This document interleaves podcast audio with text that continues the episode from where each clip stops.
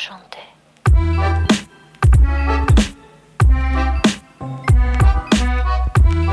Är du med Robin? Jag är super med. Fan vad kul. Fan vad kul. Fan vad Så jävla kul. kul att jag pallar vara med. Otroligt. Fina jävla Robin alltså. Ja. Exakt. Och fan vad kul att ni är med. Det är tisdag den 27 september och detta är Toto 5. Eh, vi kommer lite höga på stämningen från Kanalplan igår, Ja. jag och eh, Petronella. Eh, såg du på TV någonstans precis efter pausen när Petro och Robert Tennisberg, jävla legenden från Radiosporten Mm. numera på Viaplay, eh, körde en stoa inne i kommentatorsbåset och då gick det förbi. En liten Jävla Dobba Wilbur. Ja, jag var ju lite avundsjuk på, jag såg först uh, la ju Thomas upp att han eh, var på, på väg dit och på plats och, och redo. Sen, eh, sen eh, såg man i tablån att det var du som skulle göra matchen Petter och då eh, var man ju först lite avundsjuk. Men sen när man låg i soffan och njöt av det och det började se lite kallt ut framåt slutet, då kände man ju att man var eh, den stora vinnaren. Vad? Jag tycker Det det är var en mysigt. mild- Ja, det var en mild sommarkväll. Men sen så finns det ju någonting, jag är ju fullständigt förälskad i det. Eh, Med de här strålkastarmatcherna, alltså kvällsmatcherna. Det, är- även när jag bodde i Italien, det var, det, var, alltså, det, det var något speciellt med dem. Framförallt den där klassiska tiden 20.30 på söndagar Mm. och så, ja men då är det alltid stor match. Och om Fiorentina spelade så kunde det vara då Milan eller Inter eller någonting och så Och strålkastar ljus dag, i full daggen ligger i luften. Ja, ja. Ja, ja. ja, det är, Och igår var det faktiskt en sån kväll på Kanalplan. Det Ja. var hög stämning, Ja, det det, var det. betydde mycket, det var stormatch, eh, det var sista chansen för Hammarby, det var Ja men Linköping behöver ju typ vinna allt här nu om Rosengård eh, liksom går, som de går. Ja. eh, för, för att hänga med hela vägen in. Så det var kniven mot strupen även för dem. Eh, och på det då daggen i luften. Det var mild so eh, sommarkväll på att säga, men mild höstkväll i alla fall på Kanalplan igår. Så jävligt mysigt, man behöver inte ens mössa på sig. Och sen spelet värmde Och sen spelet, eh, jag tycker, eh, jag träffade BP's eh, akademichef eh, på plats där stod och pratade lite. Alltså, vi, vi fastnade lite i karaktären på matchen. Alltså att det redan från början, man kände att det betydde mycket och det smällde mycket och det var, ja, men det var smågrinigt. Eh, samtidigt bra spel. Alltså Hammarbys Alltså- första 45 tycker jag är ruskigt bra igen. Jag skulle säga att det är en av eh, årets bästa matcher faktiskt. Eh, sett till två lag som vill spela. Eh, och att man just här tar ut varandra på något sätt och eh, den eh, a- a- att hitta liksom vad är motståndares styrkor och svagheter och att utnyttja det. Och där tycker jag lite att de nästan har varsin halvlek. Jag tycker att eh, Linköping börjar väldigt bra. Men sen kommer Hammarby in i det och tar ju över fullständigt första halvlek. Och att eh, Linköping blir lite stressat och hamnar lite i det här längre bollar, kan inte hålla riktigt eh, bollen på backen som är vana vid dem att se. Och sen i andra, och det här är så typiskt Linköping tycker jag, vilket också gör att de vinner. Och vad som är skillnaden på de här topplagen kontra då de som ligger lite efter och fortfarande är i en process. Men just att, eh, att de gör mål, det är också skillnaden. Men också att man tror på det hela vägen och att de har ingen stress. Alltså jag, jag kan tycka att andra lag ibland hamnar man i underläge eller att man känner att så här, okej nu behöver bollen gå in. Då blir man lite stressad, man kanske går ifrån sin spelidé. Medan Linköping känns mer som att okej nu ser den här matchen ut så här, vi spelar efter de här förutsättningarna. Men vi tror på det hela vägen, det kommer gå och det Ja, kommer det- lösa sig. Och Ja. det gjorde det även den här matchen, att man, så här, man trycker ner motståndaren. Ja, men det fanns ju en tyngd och tålamod tycker jag i Linköping som imponerar. Att man kommer ut i den andra halvleken, äh, halvleken efter att ha varit så nedtryckta och att Hammarby har skapat så mycket chanser också. Det var ju momentum i matchen, nästan så att Hammarby inte ville gå till eh, pausvila. För det hängde ett mål ja, i det luften. gjorde det. det, gjorde det. Så det var, Och vilka det kändes som en chanser man har. Ja, ja, det kändes som en boxningsmatch, du vet, när någon hänger på repen och blir räddad i Ja, gonggongen. Ja. Eh, och, och sen så får de lite, eh, ja men man sniffar väl på något, det är det man gör. Eh, vad Det var det ni gjorde i Juve. Det är väl det ni pysslar med i Juve. Jag sniffar inte på något sniffa på något. Ja, och sen så kommer ni ut i de två och så är det bara körning.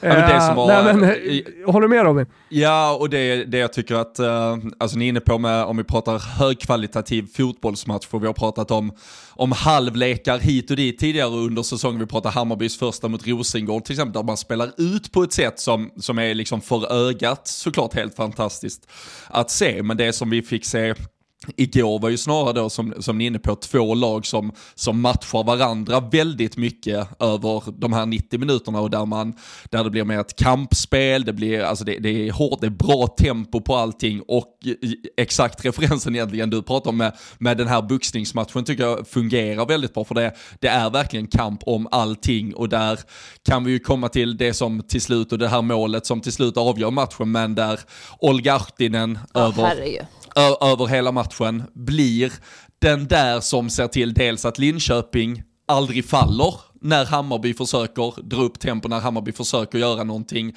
och som sen dessutom kan ge Linköping lugnet och tryggheten att börja tro på sitt eget spel också. Och hon, jag satt och tittade lite på, på statistik från hela, alltså hon, hon utklassar ju varenda spelare på, på likvärdig position i i stort sett alla parametrar som, som man kan mäta och eh, jag tycker att nu får vi ju se hur långt det bär till slut för Linköping och vi har ju en toppstrid som är supertajt och det är såklart att det finns en Nilla Fischer och en, och en Vangsgård med alla sina mål och sådär men, men vad Olga Ahtinen har, har gett det här Linköpingslaget över säsongen men som kanske då någonstans pikar igår dels med arbetsinsatsen och sen såklart som kröns med målet. Det, det är skillnaden igår för det var en match där, där det inte kanske handlar om att ha ett, det mest bländande passningsspelet och spela ut en motståndare utan det handlar om att bryta ner och kriga ner sin motståndare till slut och där, där blir lite Ahtinen äh, eh, ja, men symbolspelaren för Linköpingen och, och den som då helt enkelt avgör matchen på egen hand till slut. Och jag, och jag tycker också det blir en skillnad i de här lagen att ha en sån som Ahtinen, lagkapten också, och verkligen ta det ansvaret. Att det känns som att de har några spelare som tar ett större ansvar när det kanske inte riktigt går som man har tänkt eller att det går lite tungt eller som i första halvlek man är kanske lite eh, tillbakapressade och får inte igång sitt spel men att man har spelare som bara fortsätter, maler på. En sån, jag är också otroligt imponerad av Stina Lennartsson på högerkanten. Jag var sur på henne i första halvlek på Ja. högerkanten. Jag satt precis ovanför Linköpings bås där. Ja men alltså det, är- det jag tycker ändå det är imponerande. Gå från Växjö till Linköping den här säsongen och har gjort det fantastiskt bra. Men ifall man då jämför med, jag tycker sett till liksom spelare mot spelare och de som Hammarby har just nu så är nästan Hammarby typ snäppet bättre på vissa positioner individuellt men som lag är Linköping otroligt starka och att man har då de här karaktärsspelarna som hela tiden maler på, eh, pushar på och ser till att få med sig hela laget och som gör att man till slut får med sig den här, eh, de här tre poängen. Så eh, jag är väldigt imponerad över Linköping men också över Hammarby, alltså den, den hösten än så länge man har gjort och att man sett till, alltså jag kommer ju ihåg när de mötte Linköping i våras och blev totalt överkörda, uppkäkade. Samtidigt är det ett helt annat Hammarby som nu ställs på plan, helt annan backlinje, mittfält och forwardspar egentligen. Så att det, det ser ju helt annorlunda ut. Men det är häftigt att se också vad som faktiskt kan ske under en säsong. Och att man ser ut att göra en väldigt bra höst och det är där jag tycker att nu Hammarby, för nu, nu får man väl ändå säga att det är kört eh, på tredjeplatsen. Det Ja. ska Ja. väldigt mycket till ifall man ska ta... Ja, det är kört. Det är ja, kört. jag, Det är jag skulle säga att det är kört. Ehm, men att man ändå får fokusera på att på något sätt eh, göra en väldigt bra höst, få en fin avslutning och sen bara fortsätta bygga på det till nästa år. För att jag tror att fortsätter man på det här till nästa säsong så eh, kan man bli riktigt, Nej, riktigt farliga. Jag, jag, jag bakar ihop här Robin, eh, Rosengårdsmatchen, eh, som där första 45 är otroliga. Ja, men ja, där ja. Man, eh, den stora skillnaden är att man får in bollen. Kaira har två eh, skott eh, igår där målvakten gör rätt, jätteräddning. Eh, men det är inte enda chansen, utan de, de skapar ju tillräckligt mycket för att leda Janssons den matchen. skott i slutet. Men man har ju sett det så många gånger.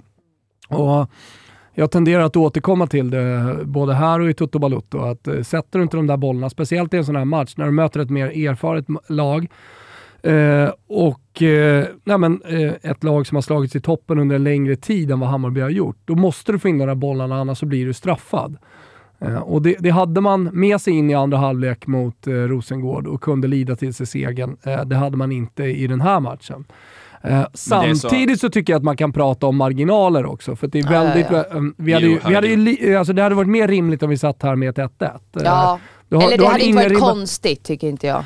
Nej, alltså du har en inneribba. Vad, vad har Linköping för chanser? Visst, det, det, när Hammarby går för allt, det är klart de får lite kontringar. Men, Ja men så blir det ju. men, alltså, att det eh, och, och de gör, jag håller med dig, de gör, gör en bra andra halvlek, men de har ju inte så mycket chanser tycker jag. Och eh, det, det känns lite farligt ibland när de kommer, men Hammarby har ju liksom megachanser. Inneribba, är den inne eller? Nej det är det inte. Ni ser det? Nej men jag sitter ju live. Så jag, jag Ja, trodde jag ju typ, nej, jag vet. jag trodde Du- ju du typ, Du sa, väl nej jag vet. du sa väl det i sändning också Ja. Petronella? tror Jag bara, var det? Sen så bara, nej det var det absolut inte. Ja, jag kände man här, technology får hade inte skämmas. satt nu Nej, får men, man skämmas eh, för så- Petronella en vecka här när hon sitter och säger att bollen är inne, tänkte man. Men du, du reviderade dig snabbt där i alla fall, så det var, det var okej. Du är, Alltså man, man kan ju göra massa eh, analyser liksom efter en match, men, men jag tycker ändå det som, det som blir talande är att om man inte sätter de där chanserna, Mm. då blir man också straffade. Sen så, på tal om marginaler, ja, Emma Jansson har den i ribban Ja. det är precis när det är slut och de har redan haft innerribba mållinje ut. Så Ja, att, ja, nej, det är det, det, och, och hon sätter en liksom ribbkryss in. Mm. En jävla Alltså Sen kan jag tycka att hon skott. aldrig ska ha det, den chansen, Nej. för det är, Hammarby ska ha bort den bollen tidigare. Och där måste man nog, alltså det är någonting man kan ta med sig. Mm. Slarvar vi i de där lägena, vi har inte satt våra chanser, då har inte råd att ge henne den möjligheten att skjuta därifrån. Sen är det liksom, då, Linköping har marginalerna med sig och allt det där, men det, där i karaktär kan man växa lite. Och på tal om karaktär, så tycker jag att de två mittbackarna igår liksom garanterade just det med Nilla Fischer och Ja, ja, henne ja, ja. Och hennes närkampsspel och hela tiden Mot ligga på gränsen. ja. I den här matchen borde hon till och med ha blivit utvisad när hon sparkade bort bollen. ja. Efter, att ha, efter att ha legat på orange typ. Men, så här. ja, och sen, ja, men det ska jag säga, hennes första gula tycker jag är lite för billigt. Så Jag Väldigt, tror, ja. jag, jag tror det blir en kompensation där, ska sägas. Det, men jag alltså- tycker inte Kaira ska ha gult heller Nej det är många, alltså jag tycker det är många Nej, det är kort många igår som, eh, ja det är väldigt billigt så att eh, det, jag tycker det är också synd att hon ger det gula i den situationen till Fischer för att då blir det som att de andra lägena som faktiskt är såhär, ja men det där är gult. Ja. så får hon inte det helt Nej. plötsligt. Eh, så väldigt onödigt men, men jag måste ändå säga det att eh, Fischer, jag vet att det är många som kan snacka om att så här, "Ja, hon börjar bli gammal, hon är inte med. Och det så hon här. Alltså hon är så sjukt rutinerad, erfaren, har full koll. Absolut, Janogy otroligt bra också. Det var en härlig kamp dem emellan. Verkligen. Men att hon, hon vet att så här, jag är inte den snabbaste, jag tar inte Janogy rent löpmässigt. Men jag läser av, jag faller tidigare och har full kontroll på situationen. Och som du säger, så här, ligger hela tiden på gränsen, irriterar precis så mycket som man behöver göra. Markera mot domaren efter varje domslut. Alltså lite lätt, Eh, inte tillräckligt. Men samtidigt, och också- sen tycker jag också på, å- åt andra hållet då, Vansgård mot Sörensen. Mm. Alltså den var ju också, Vansgård är helt borta den här matchen. Ja. Hur mycket är hon delaktig Nej men? Sörensen Liksom? är ju brutal. Dit jag skulle komma, bra. de två mittbackarna, eh, Sörensen, otroligt bra Ja, alltså. Hon jättebra. kanske inte är världens snabbaste spelare, men, men hon har rutinen, Nej, är hon har så- smartness, ja. hon har passningsspelet och hon Nej men det är samma sak där. Det är så här, läser av, vad är, vad är mina kvaliteter? Ah, Okej, jag, jag bara trycker på, trycker på, stoppar upp spelen och är först men- framför. Alltså det, det, är är, faktiskt ett jättenyförvärv av laget, det gör, han- det, gör han, det gör han bra sportchef Det ska han ha. Det ska han definitivt Ja. Och jag skulle nej, bara men- säga, det som, ja, men, och, och det jag tror, om vi nu summerar de här tre eh, matcherna som har varit de här eh, stora testen för Hammarby, så är ju ändå, vi pratar lite om att poängen, det, det behövde ju i stort sett bli nio poäng för att man skulle ge sig själv en, en ärlig chans att vara med i den absoluta toppen, men vi pratar också om en rädsla om att det kunde bli noll poäng kanske med tanke på tidigare facit mot topplagen. Jag tror det är ett Hammarby som nu med det här i bagaget, nu blir det lite en, en säsongsavslutning som nästan får puttra i mål, för det kommer inte betyda jättemycket de här avslutande matcherna. Men att man går in i vintern, man går in i förberedelserna inför nästa säsong och är lite förbannade över att man inte tog den här tre Mm. Ja, sig. Istället, ja, och istället för att man, och istället för att känna att, ah, fan, vi är ju, vi är ju ett par mil efter det här, de här gängen liksom, utan nu, nu kan man nog gå in med blodad tand och känna, fan, skruvar vi 1, 2, 3 procent på saker och ting, en, två spelare in kanske här, då, då är vi ju faktiskt på den där nivån och kan utmana de här lagen. Så jag tror, även om det såklart inte har blivit de resultatmässiga, alltså utfallen ur det absolut bästa möjliga perspektivet, så, så fanns det ändå jag tror här är jättemycket för Hammarby att uh, titta tillbaka på och ta med och jag tror det är de här matcherna och att de är, visar att de kan spelmässigt vara på den här nivån som kommer göra att de, de känner nog en jävla tro på att bygga det här projektet vidare uh, till nästa Absolut. säsong. Absolut, men, men bara för att stanna två sekunder på domarnivån så har man ju suttit och kollat på ett gäng damallsvenska matcher här nu, inte minst på kanalplan, uh, där, där det har varit under all kritik. Alltså fjärdedomaren igår, jag vet inte vad han pysslar med, håller på att ge gula kort i till bänken. Det, Vem det fick känns andra det gula? Jag, jag tror att det är andra tränaren i, i, ah. i Hammarby. Uh, men både Pablo och, och, han fick ju, fick ju gula kort. Och, och, ja, men det var tramsig nivå på plan också på de gula korten. Jag tycker inte hon alls höll i det. Och, ja. Så mycket jag, jag inkastsituationer inte... som jo. var så oklara. Man bara, vad är det som händer ja, nu? Alltså, de visste aldrig vilket nej. håll. Och så känns det också som en jävla fjärdedomare står och tar en jävla massa beslut där. Mm. Det vet jag inte om det, det är De har ju koll på bänken också mycket. Jo men det var väl fjärdedomaren som ändrade straffen för Rosengård till uh, inte straff. Uh, men, men, men sen har ena straffsituationen situationen med Kaira eh, i andra halvlek. Eh, från mitt håll såg det ut som straff, men jag köper det Robin skrev i vår WhatsApp-grupp här efter att det inte var det. Men då är det väl gult kort för filmning eller?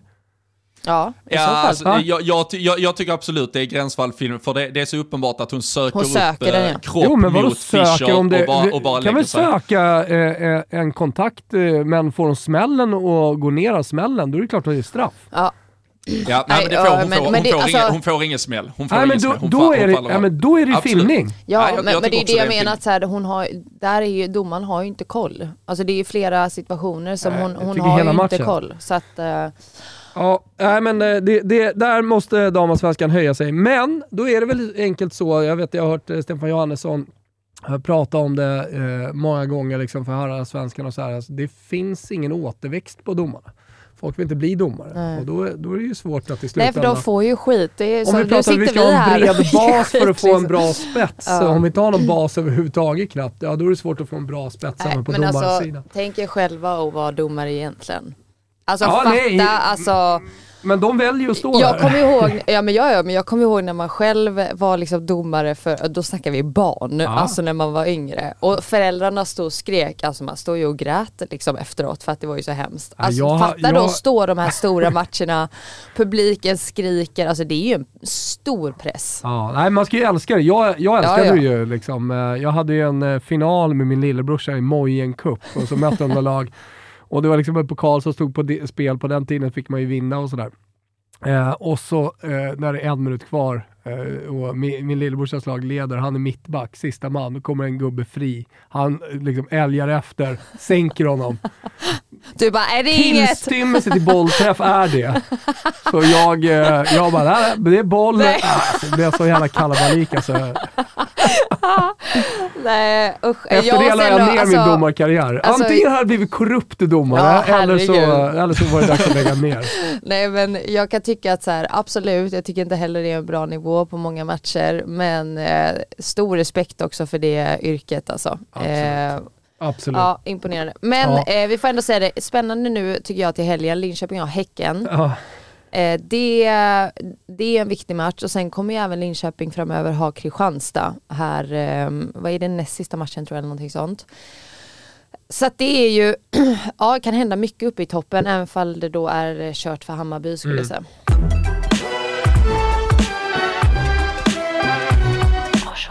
Robin, eh, allsvensk eh, omgång, men det känns som att eh, det har liksom tuggat ett par dagar här nu. Inget direkt jättemega som, du, som, som vi ska ta med oss va? Nej, men det är väl egentligen om vi ska återknyta till att Linköping ändå i slutändan visar tyngd här på, på kanalplan så, så är det ju såklart Rosengårds tyngd mot uh, Vittsjö vi, vi att de vinner den.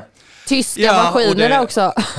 Ja, ja, men alltså den är, den är inklämd mellan de här uh, Champions League-kvalmatcherna som, vi, uh, som vi kommer att återkomma till senare och uh, man vill väl egentligen försöka gå lite på sparlåga när man spelar den här hemmamatchen mot Vittsjö. Får in ett 1-0 ganska tidigt och där, där känner väl eh, laget och, och ledning att eh, okej, okay, då, då bara taktar vi på här, men sen eh, så går ju inte det att göra mot ett Vittsjö med, med Markstedt och Sällström. Det, det är alltid målchanser och alltid potentiella mål från, från dem, så, så det krävs ju en ja, 93-minutig äh, stenhård insats från Rosengård och att då till slut med, på tal om karaktärsspelare också, Rebecka Knak, vi, vi pratade om henne, det var väl ett par veckor sedan när man, när man satte om henne i en, i en eh, ny roll och nu hon är egentligen var hon än krävs att hon eh, spelar så, så känns det som att hon är lite tunga på våg för det här Rosengård-laget. Gör, gör två mål i, eh, i helgen där och, och jag avslutar ju framförallt med att nicka in den i 93 så att de tar de där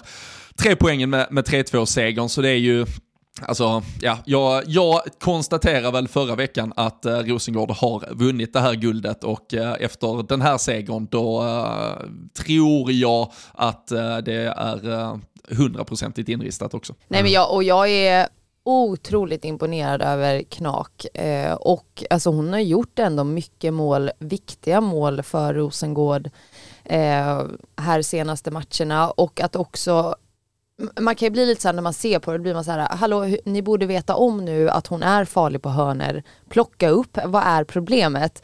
Men den, alltså den längden, tyngden, det är ju inte alltid lätt och man, man får göra allt bara för att störa henne, men vad har hon i vid det här andra målet, alltså fem spelare runt sig eller någonting. Det är en, ja, det är en hög alltså, och hon då, äntligen är först på bollen. Så att, eh, vissa har ju bara eh, de kvaliteterna och eh, otroligt viktigt för Rosengård framförallt, för jag menar Vittsjö gör en bra match, står upp väldigt starkt och det får man ju ändå säga också imponerande av Vittsjös del att ge Rosengård en match och väldigt imponerande över Markstedt och Sällström där framme återigen.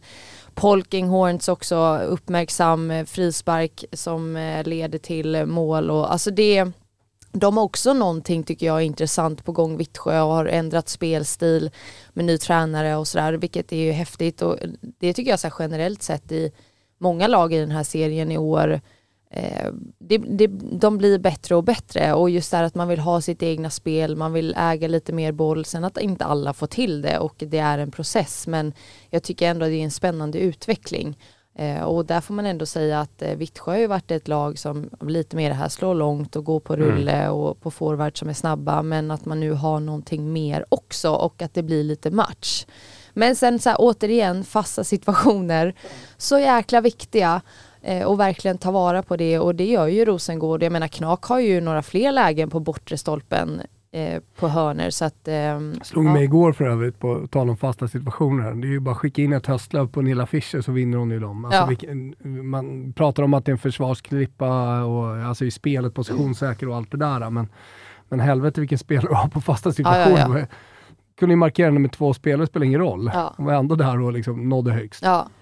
Att, eh, ja, det är viktigt eh, fortsättningsvis också. Hörni, vi tar oss ut till eh, Europa. Till slut så blev det att komma ner på jorden, Robin. Everton vann Merseyside-derbyt och är det så att ni är nere på jorden nu? Ja, nu är vi fan nere i källaren, det grävdes, gräv, gräv, grävde graven direkt. Va, du fick ändå en vecka liksom.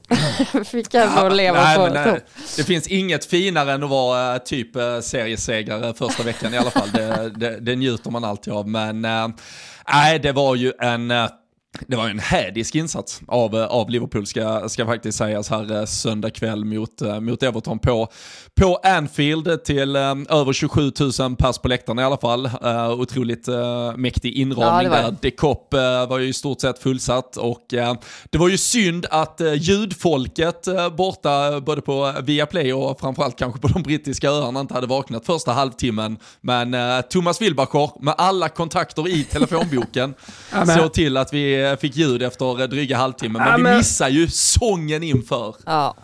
Fucking Schnitzel alltså till hela ja, Toto 5 som löste i-ljudet som det kallas då. Eh, arenaljudet. Eh, vägen gick att Robin var sur. Han fick inte se eh, sitt Merseyside-derby med i-ljud, alltså publikljudet. Och det var liksom en burkig kommentator. Jag messar min kompis som jobbar just med det, klickar igång sändning och ser till så att alla nivåer är rätta, men med det tekniska kring matcherna på Viaplay. Han jobbar inte, messar in. De har gjort vad de ska. men ringer ner till eh, den här eh, sändningsbussen i Liverpool. Ja. Och får dem att trycka på och typ on-knappen. Ja, alltså. Och sen så, eh, vi löste hela världen, om det var en sån här världsfeed så löste vi faktiskt hela världen. det gjorde vi faktiskt. Eh, Och jag satt bara, jag satt bara och kollade på och njöt av liksom så här, ja, fantastiskt. Att man bara löser det här. ja, tog en kvart. Ja. Ja men det är väl, vad har uh, Filip och Fredrik gjorde väl den där eh, sex eh, steg där man, Ja. är, liksom, man är sex steg ifrån vem som helst. Vi, vi var väl ungefär sex steg från ljudbussen ungefär när jag, när jag började koka här eh, hemma i soffan. Du kände mig, jag kände Tobbe, han kände någon där och den Som fem sen steg. drog vi... Ja. Ja, Men- men, men det, det var via ha Janne också. Ja, det var via Janne, det också. har du rätt i. Janne var med där. Ja, ja, sex steg då. Sex steg för att fixa i-ljudet. Men, eh, men nej, det var ju eh, ty tyvärr en eh, alldeles för blek insats av Liverpool och sen ska såklart Everton ha, har beröm också för, för sitt sätt att, att ta sig an detta. På tal om tunga så var de ju de var tunga på fasta situationer genomgående och får ju, får ju utdelning på det fram till 1-0 målet. Det, är- det är ju Koivisto som, som tappar på, i Liverpools försvar där och sen så var det alltså hela försvaret, jag vet inte om man är lite tagna av, om man säger stundens allvar, att kliva in med, med Dekopp i ryggen. Eh, jag tycker försvarsspelet lämnade mycket att önska i både ja, men det uppställda försvaret men också i hur man skulle sätta upp bollar. Eh, mycket slarv i, på felvända anfallare som, som tappar boll sen också. Och det är ju det som, som Björn bland annat utnyttjar perfekt när hon sätter, sätter loss den till 2-0 målet. Och eh, ja, men det lämnades för mycket ytor, det var ett Liverpool-lag som inte alls höll ihopa.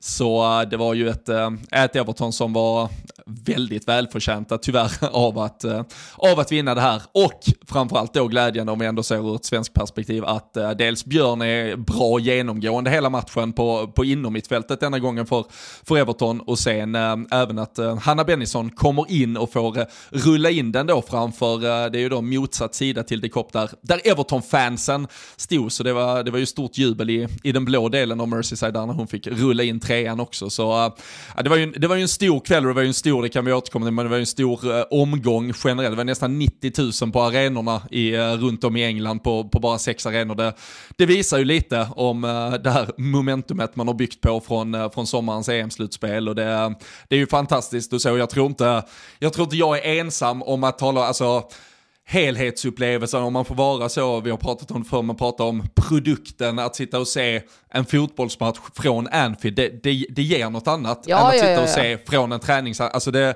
jag tror också, alltså folk som lite så här slentrianmässigt eventuellt bara klagar på typ kvalitet eller någonting, alltså det, det handlar ju som, alltså bara för fan att starta, återigen, att starta publikljudet, det gav ju, det höjer Ja, ju, och jättestor till och med att spe, Ja men alltså du, du känner ju att spelarna är bättre på något sätt, alltså det känns, det känns proffsiga. Och på samma sätt då, spelar du på en stor arena med mycket folk, ja men då ser det ju, det ser exakt likadant ut som när herrarna spelar, alltså om man nu ska prata de här jämförelserna. Så det, alltså det är så jävla viktigt att den, den här utvecklingen får fortsätta, för det, alltså ur ett rent, alltså, alltså ja men tv-tittarperspektiv så, så var detta en exakt lika bra upplevelse som om jag sitter och ser här, eller jag sitter och ser VM-fotboll eller ligafotboll, när jag får den i den här paketeringen. Så nej, nej, det var eh, stora, stora dagar, stora kvällar, äh, framförallt i England äh, den senaste veckan. Men, men jag, bara för att få säga någonting där om den matchen också, att imponerande ändå Everton. Jag tycker de har tagit kliv om man jämför med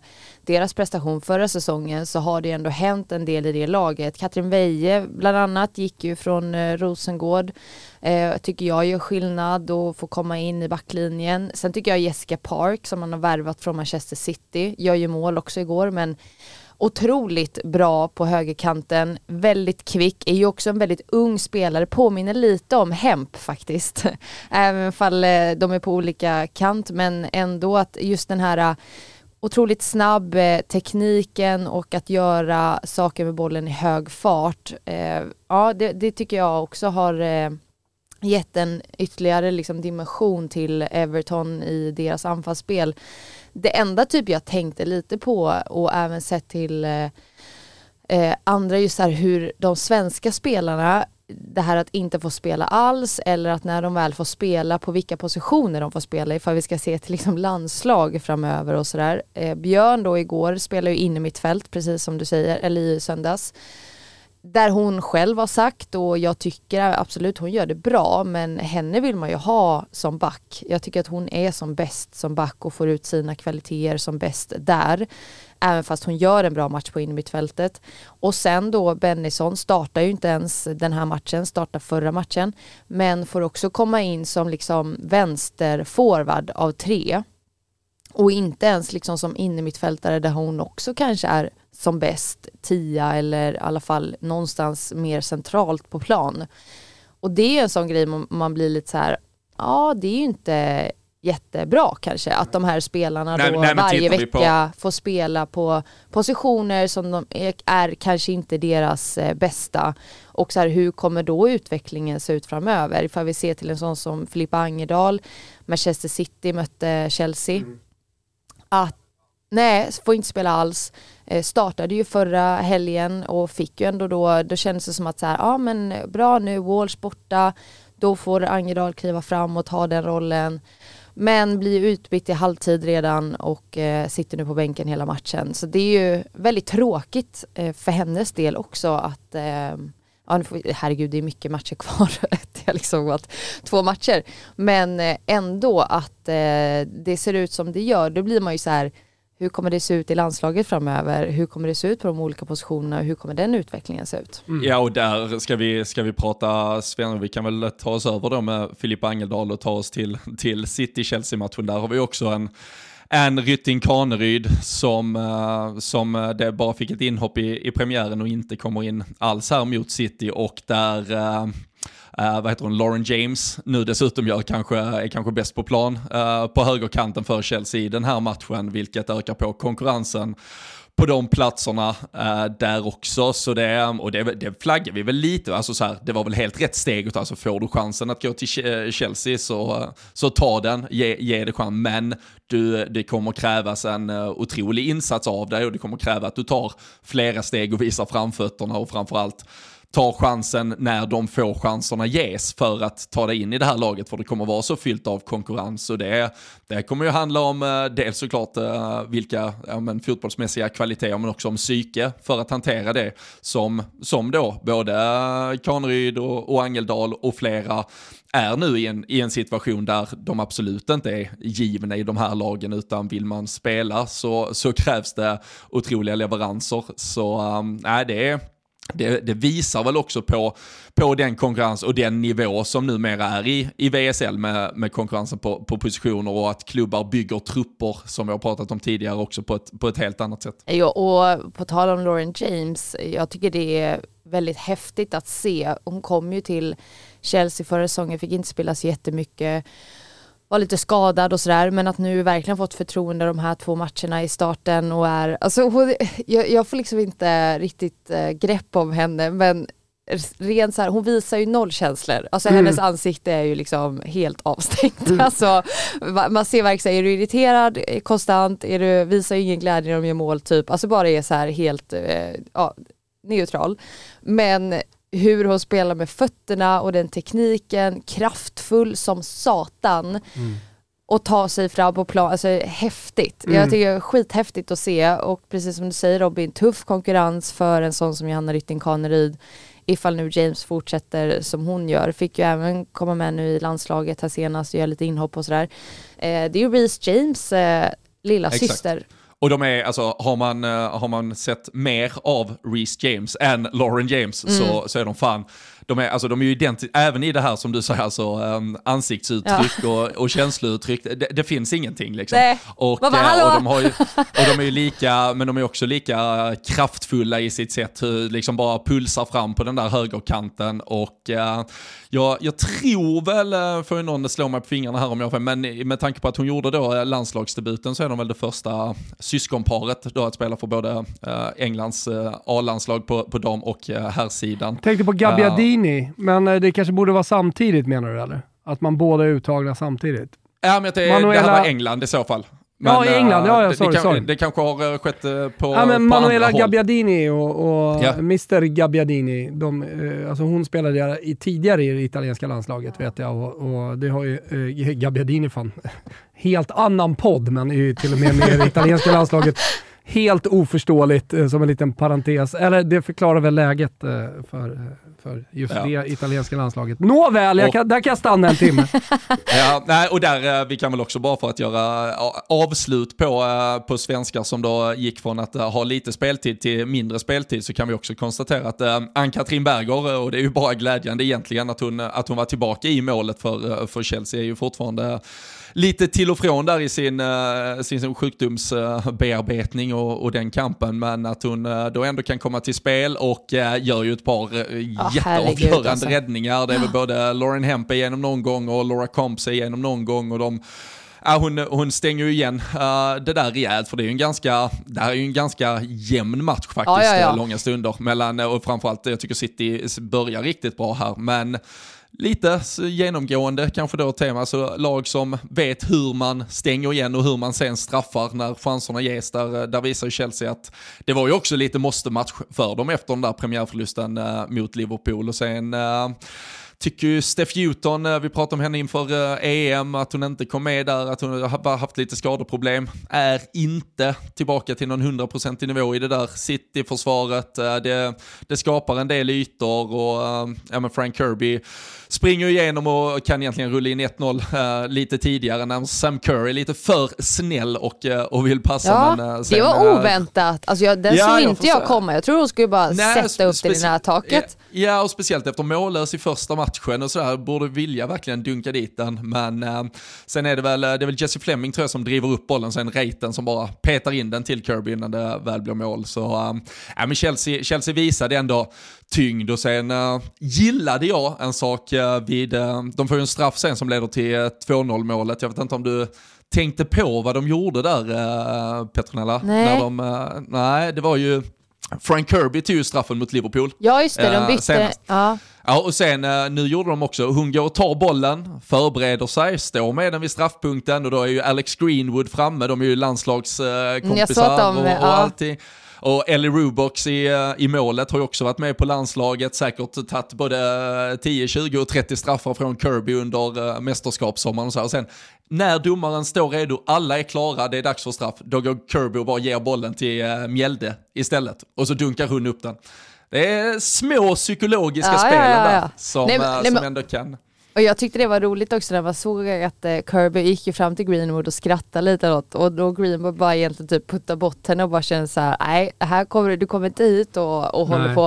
Eh, ändå kul att se tycker jag att det är lite sånt, även fast man några veckor tidigare precis vunnit EM-guld tillsammans och liksom ska då... Ja men så ska det ju vara. Va, ja ja ja. ja alltså eh, Janogy och, och Fischer, de har också... Ja ja. Liksom, nu har inte Fischer varit med kanske något tag, men, men ändå, jag Men de var nog med i samma, eller de var med i samma landslag. Ja, förut ja. ja. Eh, men jag, jag tycker också här, absolut 2-0 till Chelsea, men jag tycker inte heller att det resultatet kanske speglar hur matchen faktiskt såg ut och så är det ju såklart, det är ju ofta det blir så. Men ifall man bara ser till resultatet så kan man ju tycka, vissa kanske är, ja Manchester City ja nu går det tungt och de har förlorat två matcher i rad och sådär men jag menar de har eh, väldigt mycket chanser och är väldigt väldigt bra absolut, jag tycker de har förlorat viktiga spelare och det gör skillnad men eh, har också någonting bra på gång och fortsatt ersatt med bra spelare, inte samma höjd men ändå intressant och eh, bra kvalitet fortsatt. En sån som Shaw, nu kallas hon ju Bunny då, har på ryggen. men eh, ja, också så här på tal om att vara kraftfull otroligt kraftfull, väldigt, väldigt stark och sen har du ju Kelly och Hemp där framme som hela tiden eh, eh oroar i försvaret för Chelseas del. Ja, och det är det jag tycker, alltså, som sagt, att, att skapa chanserna att komma igenom, att hitta de här ytorna bakom för, eh, för Hemp och hela gänget att löpa på. Det, det var ju City lite tillbaka till sitt bästa från förra säsongen, känns här mot Chelsea och, och gör det jätte, jättebra. Sen blir det återigen om vi pratar uh, mittfältsmatcher där uh, men Jesse Fleming och Aaron Cuthbert är ju otroliga för, för Chelsea och, och, är, och är så jävla tunga. Och uh, ett City som då har du tappat tre innermittfältare uh, in, inför säsongen så, så hur, hur bra dina uh, ersättare än är så, så tar det ett tag att uh, verkligen liksom glue together och, och få ihop det uh, till, till 100%. Så där, där var ju ändå den, den sista lilla fördelen som jag tyckte Chelsea behövde, framförallt i andra halvlek när det, när det stod och vägde lite, så, så visar ändå det inom ett fältet att de har, har en styrka och, är, och är samspelta och kan, kan liksom rida ut stormar på, på ett sätt som ja, de allra bästa lagen kan. Mm.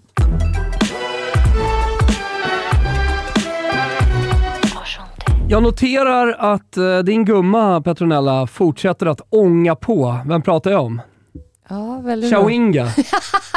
ja. Nej, men det är mål igen och uh, visserligen, alltså kors i taket, uh, nu blommar asfalten, gjorde hon inget mål när Inter fullständigt slaktade på Milano med 6-1.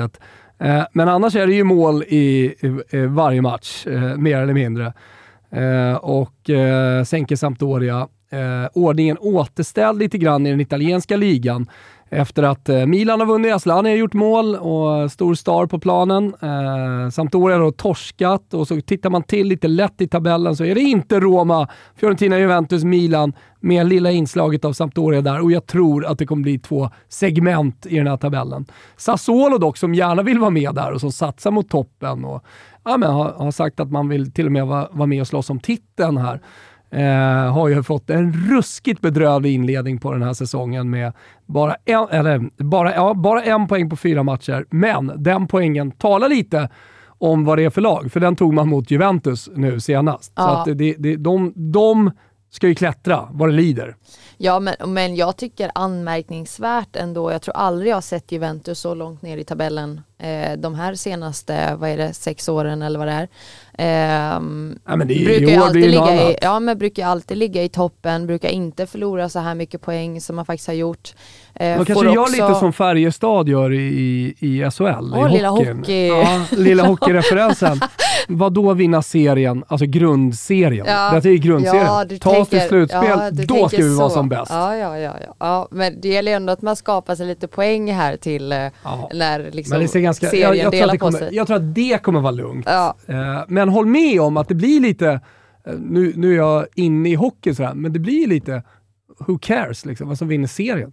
Det är slutspelet som är det viktiga. Det är där ja, titeln delas ut. Men slutspelet i hockey är väl ändå att då börjar de väl om. Alltså då är det ju så här, nu delar vi på det och sen blir det slutspel. Då börjar vi ju ja, om exakt, match för match. Ja. Det här är ju ändå att ligan delas ju och sen så möter de varandra igen. Så du, du behöver ju ändå, det är ju inte det här, äh, är vi skiter i det nu och sen så väntar vi till ligan delar på sig. Du kan ju inte ligga 20 poäng back på ettan och hoppas att... det är tråkigt. Slutspel hade varit mycket fräckare. ja, jag gillar tanken ändå. Men, men, men, men, men se, jag, tror, jag tror man ska vara, vara ärlig och konstatera, för jag vet att vi satt uh, i somras eller efter förra säsongen och pratade om att Juventus kanske var en, alltså så här, en star ifrån, eh, alltså en riktig skärmvärvning ifrån att kanske vara uppe på den absolut högsta nivån. Nu istället om vi tittar på truppen den här säsongen så är det ju en, det är snarare en Lina Hurtig som försvinner och mm. inte alltså inte riktigt något, om vi är ärliga ändå, namn som skakar världsfotbollen i alla fall, som har kommit in i den där truppen. Uh, sen kanske inte de andra lagen har gjort extremt mycket, men vi pratar ett Inter som har gjort ett par smarta värvningar, ett, ett Milan som visserligen inte har fått det alls att lossna än, men som värvade väldigt mycket och där Aslani var lite juvelen i, i det bygget och, mm. och lag som ändå försöker. Så jag, jag, är fan inte helt säker på att Juventus kommer ha den där, uh, uh, det kommer nog inte vara promenad promenadseger bara för att man uh, växlar upp något tempo lite längre fram. Tycker, tycker jag den här inledningen är tillräckligt för att liksom, ja, konstatera nästan. Ja, men, men jag tycker också att jag gillar ju också att det är jämnare, att inte Juventus Verkligen. är helt överlägsna, men sen också att lag har ju lärt sig lite också eh, hur Juventus spelar. Nu har man absolut, man bytte tränare förra säsongen och så, men, men jag menar, man lär sig ju efter några år också hur man faktiskt stoppar det här laget. Nu är det ju inte många sätt till hur det har sett ut tidigare så har det varit väldigt många italienskor från start. Nu är det ju inte lika många just den här matchen, tre stycken bara fyra. Mm. Eh, men att det ser annorlunda ut och det, det sker någon sorts lite förändring också i Juventus känns det som och lite mer utländskt eh, som kommer in och att man plockar de spelarna man vill ha på något sätt. Men det är som du säger, det är inte riktigt de stjärnspelarna än. Jag tycker i och för sig Berenstein tycker jag är en riktigt bra spelare men jag menar sen ska du också komma in i det, det är ett nytt lag, det är ett nytt land, det är ett nytt språk, alltså det är, ibland tar det tid att, att komma in i eh, en helt ny miljö.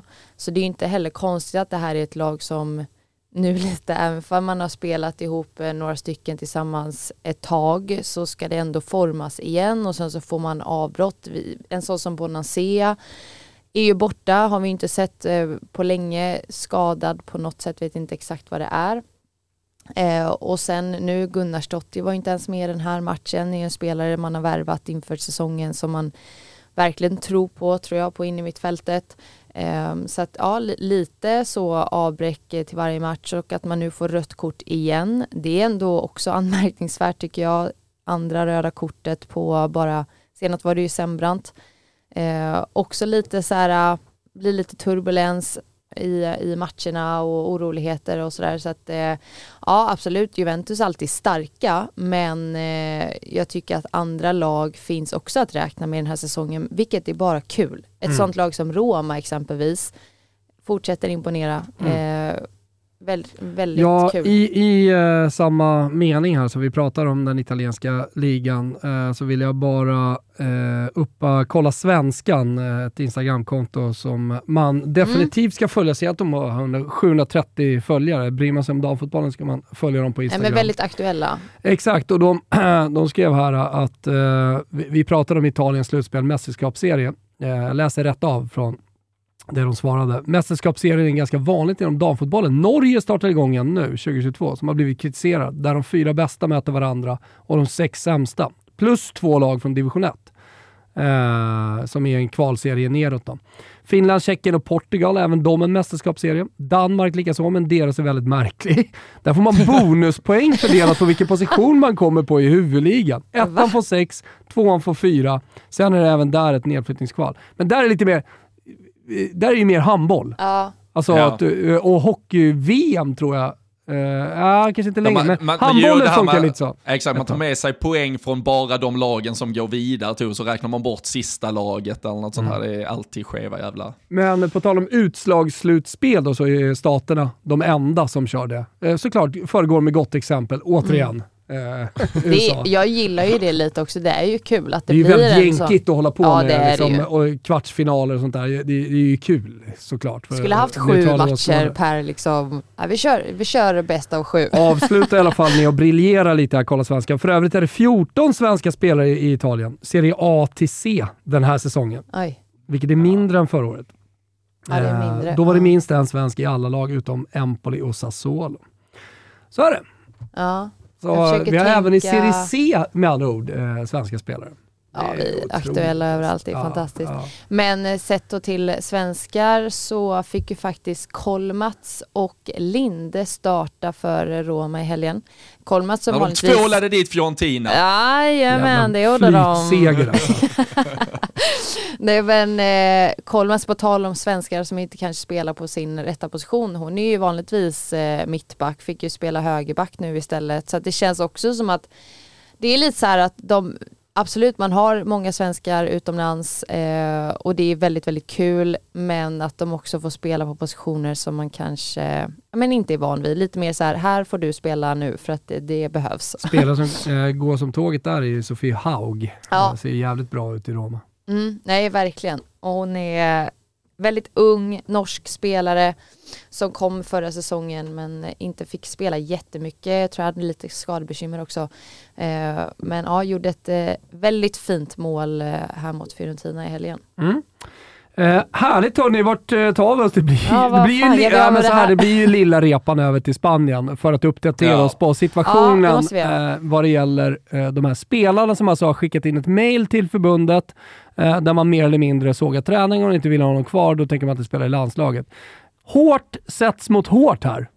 Jag blev ja, jätteförvånad. Ja. Robin? Ja men verkligen. Nej men det är ju 15 eh, spelare äh, mm. som då eh, till slut har äh, gått samman och äh, ja, men tagit ställning mot att man helt enkelt inte kommer att representera landslaget så länge förbundskaptenen Jorge Vilda är kvar. Och det ska ju sägas att de skickar samma mail, så att man har ju liksom gått skick... ihop och skrivit, formulerat Absolut. ihop. Liksom. Absolut, och det är ju egentligen, om vi, istället för att sitta och lista alla 15 som, som ja, är med men... på det här, men alltså det, det, det är ju de, det, det, är ju väldigt många av dem väldigt stora. Alexia Putellas är, är väl...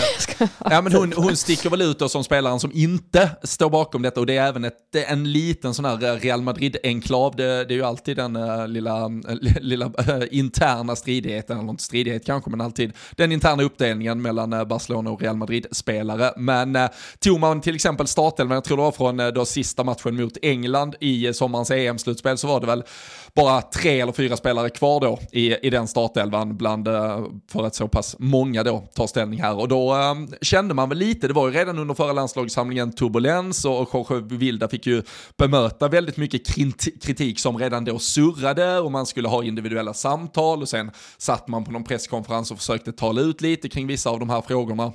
Men det har ju inte varit tillräckligt för spelarna som då helt enkelt ställer det här kravet eller ultimatumet mot förbundet. Och eh, här eh, visar ju, eh, i Sverige så hade vi en Håkan Sjöstrand som vill ge eh, Jan Andersson livstidskontrakt. Men det spanska förbundet går ju ja, men nästan ännu ett steg längre och de, de säger ju att okej, okay, så länge ni försöker utpressa oss att ta ett beslut kring vilken förbundskapten vi ska ha, då vill vi inte ha med er att göra. Så de säger egentligen till de här 15 spelarna att om ni är sugna någon gång i framtiden representera landslaget, då är det ni som kommer krypande tillbaka och ber om ursäkt för det här jävla skitet ni håller på med. Så eh, just nu är det Jorge Vilda och en korsbandsskadad Alexia Putellas som eh, är det spanska landslaget eh, i stort sett. Så det är ju spännande att se vart eh, det här tar eh, vägen, men eh, Alltså, jag har ju svårt, med tanke på hur tunga namn det här är, jag har svårt att se att det är Jorge Vilda som leder det här spanska landslaget i ett, i ett VM-slutspel nästa sommar. Men, Men jag, också, alltså jag, ja. jag tycker också det är, jag tycker det är så här olyckligt att det här kommer ut som det gör också i media eh, och att det blir på det här sättet. För att jag kan ju tycka att ett förbund som går ut och säger så här till spelare och att man inte kanske lyssnar på spelare, att man inte löser det på ett bättre sätt än vad man har gjort. Eh, det tycker inte jag är särskilt man bra. Man borde kunna kommunicera på ett bättre sätt ja, innan det går så här långt. Och speciellt internt tycker jag. Alltså man borde ha löst det på ett bättre sätt internt än vad man har gjort. Och sen... För jag menar det här måste ju ha varit också eh, något som har växt över tid. Ja. Det kan inte bara liksom, komma ja, ja. från ingenstans nej, plötsligt. Nej, nej, nej. Och, och förklarar ju kanske lite hur Spanien såg ut också, under, för de var ju inte bra nej, i EM sett till vilka spelare de Det verkar ju som att spelare har varit eh, missnöjda under en längre tid och har ju flaggat för det här tidigare också. Men att man nu kände att så här, någonting behövs göras på riktigt för att eh, vi får ingen gehör. Och då väljer man att göra på det här sättet. Så det är ju, tycker jag, väldigt olyckligt att det blir så här och nu får vi se framöver hur man kommer lösa det. Men också förvånande ifall en sån som Jorge Vilda också vill fortsätta träna ett lag som då kanske inte kommer, ja man får väl då ta in yngre spelare, jag vet inte hur man kommer lösa det här men att man ändå vill fortsätta trots all den här turbulensen förvånande också. Det, det, är mycket som förvånar mig i det här och väldigt tråkigt att det blir så här och hoppas bara att de löser det på bästa sätt så att eh, ja, förbundet blir nöjda men även att spelare blir nöjda och att det, det blir bättre framöver. Men väldigt tråkigt att det blir på det här sättet. Mm. Ja, men så, ja, så, som, ja, men så som jag förstod egentligen så var det ju redan efter EM så, så hade väl, om man säger spelar, spelarrådet framförde väl egentligen då synpunkterna till förbundet uh, kring att man tyckte det hade varit märkliga belastningar. Det var ju, vi fick ju sena skador på både Hermoso och Putellas till exempel. De tyckte ju också att han belastade spelarna på ett sätt, ställde krav på dem på ett sätt som inte var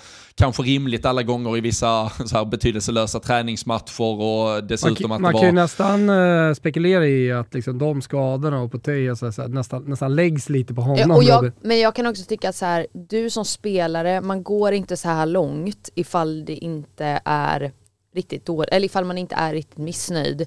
Så att jag menar det är någonting som absolut inte stämmer. Vi lär ju få uttalanden. Ja, Kanske, det vet ja, vi ju inte. Jo, men alltså i och med att Spanien går ut nu, om, ja, de, men... om de ska sätta hårt mot hårt tillbaka på Spanien, då kommer det ske via media, det är jag helt säker på. Ja. Eh, I och med att spa, det, spanska förbundet alltså nu säger att de får aldrig mer spela i spanska landslaget om vi inte får en ursäkt först. Förlåt, ja. ja. Nej men så att eh, jag tror inte det här är det sista som är sagt från eh, den här situationen och eh, kommer nog hända mycket mer framöver. Vad var du på väg Robin? Uh, nej men uh, egentligen bara att det, det, det, är ju något som de, jag tror de har försökt lösa det lite mer internt, men att förbundet har varit så tydliga med att de har tagit Jorge Vildas sida så att det är därför man väljer just den här publika fighten. Så det blir ju någonstans att pusha det hela vägen. Hade det varit arbetarrörelsen så är det ju, det är ju liksom strejken som är det, det sista när vi går ut och ställer oss med med, med plakaten på, på gatorna i stort sett och, och, skriker ut missnöjet när man inte känner att man får gehör. Och jag, jag har ju svårt att säga att det blir någon annan. Jag tror att spanska förbundet kommer att hitta ett sätt att ändå försöka på något sätt lite halvt backande till Jorge Vilda får låta han avgå. Men någon, det blir absolut inte med någon flagga i topp, men ändå med någon form av värdighet där man tycker att han är den större människan som då tar ansvar för typ spansk fotboll och lämnar vidare till någon annan och sen eh, så kommer man hitta en lösning där, där alla är nöjda. Hörrni, eh, vill ni avsluta med något? Kanske en god låt Petronella? Ja, det kan fotboll? man alltid avsluta med. Det är väldigt trevligt. Men jag tänkte, eh, hade inte, vem var det som hade lite update på Diallo? Ja, situationen. Går det ens att ha det nu för tiden? nej, men, vi avvaktar. Vi avvaktar, ja, skit i den. Ja. Fortsatt turbulens ja. även där. Ja, alltså det, händer mycket ute i Europa. Det är turbulent i Toto 5 och på kanalplan ja. och i, i, Europa och i Frankrike och Spanien och så vidare. Ah, hörni, Vad vill man... du avsluta med för låt då? Ja, men det var den vi visslade på innan vi ja, gick in här. Ja, vilken var det nu igen då? Ja, det kommer jag inte ihåg. Oh. Vi avslutar på den. jag har helt glömt bort det. Kimpa, rulla igång den ja, låten den. som vi visslade lite den. på här innan.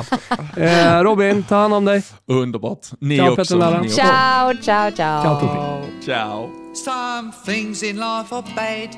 They can really make you mad. Other things just make you swear and curse. When you're chewing on life's gristle, that grumble, give a whistle. And this'll help things turn out for the best. And always look on the bright side of life.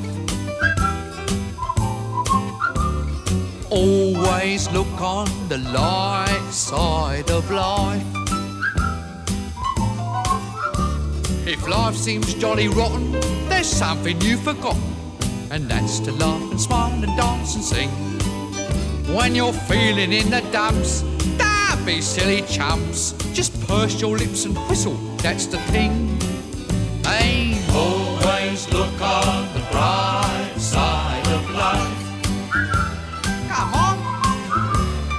Always look on the bright side of life.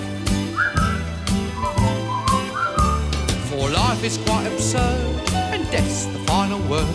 You must always face the curtain with a bow. Forget about your scene, give the audience a grin.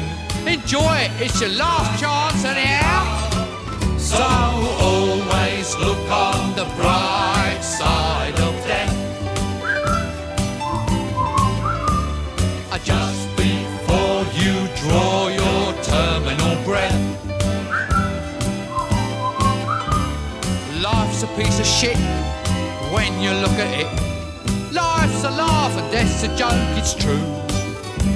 You'll see it's all a show, keep 'em laughing as you go. Just remember that the last laugh is on you. And always look on the bright side of life. Always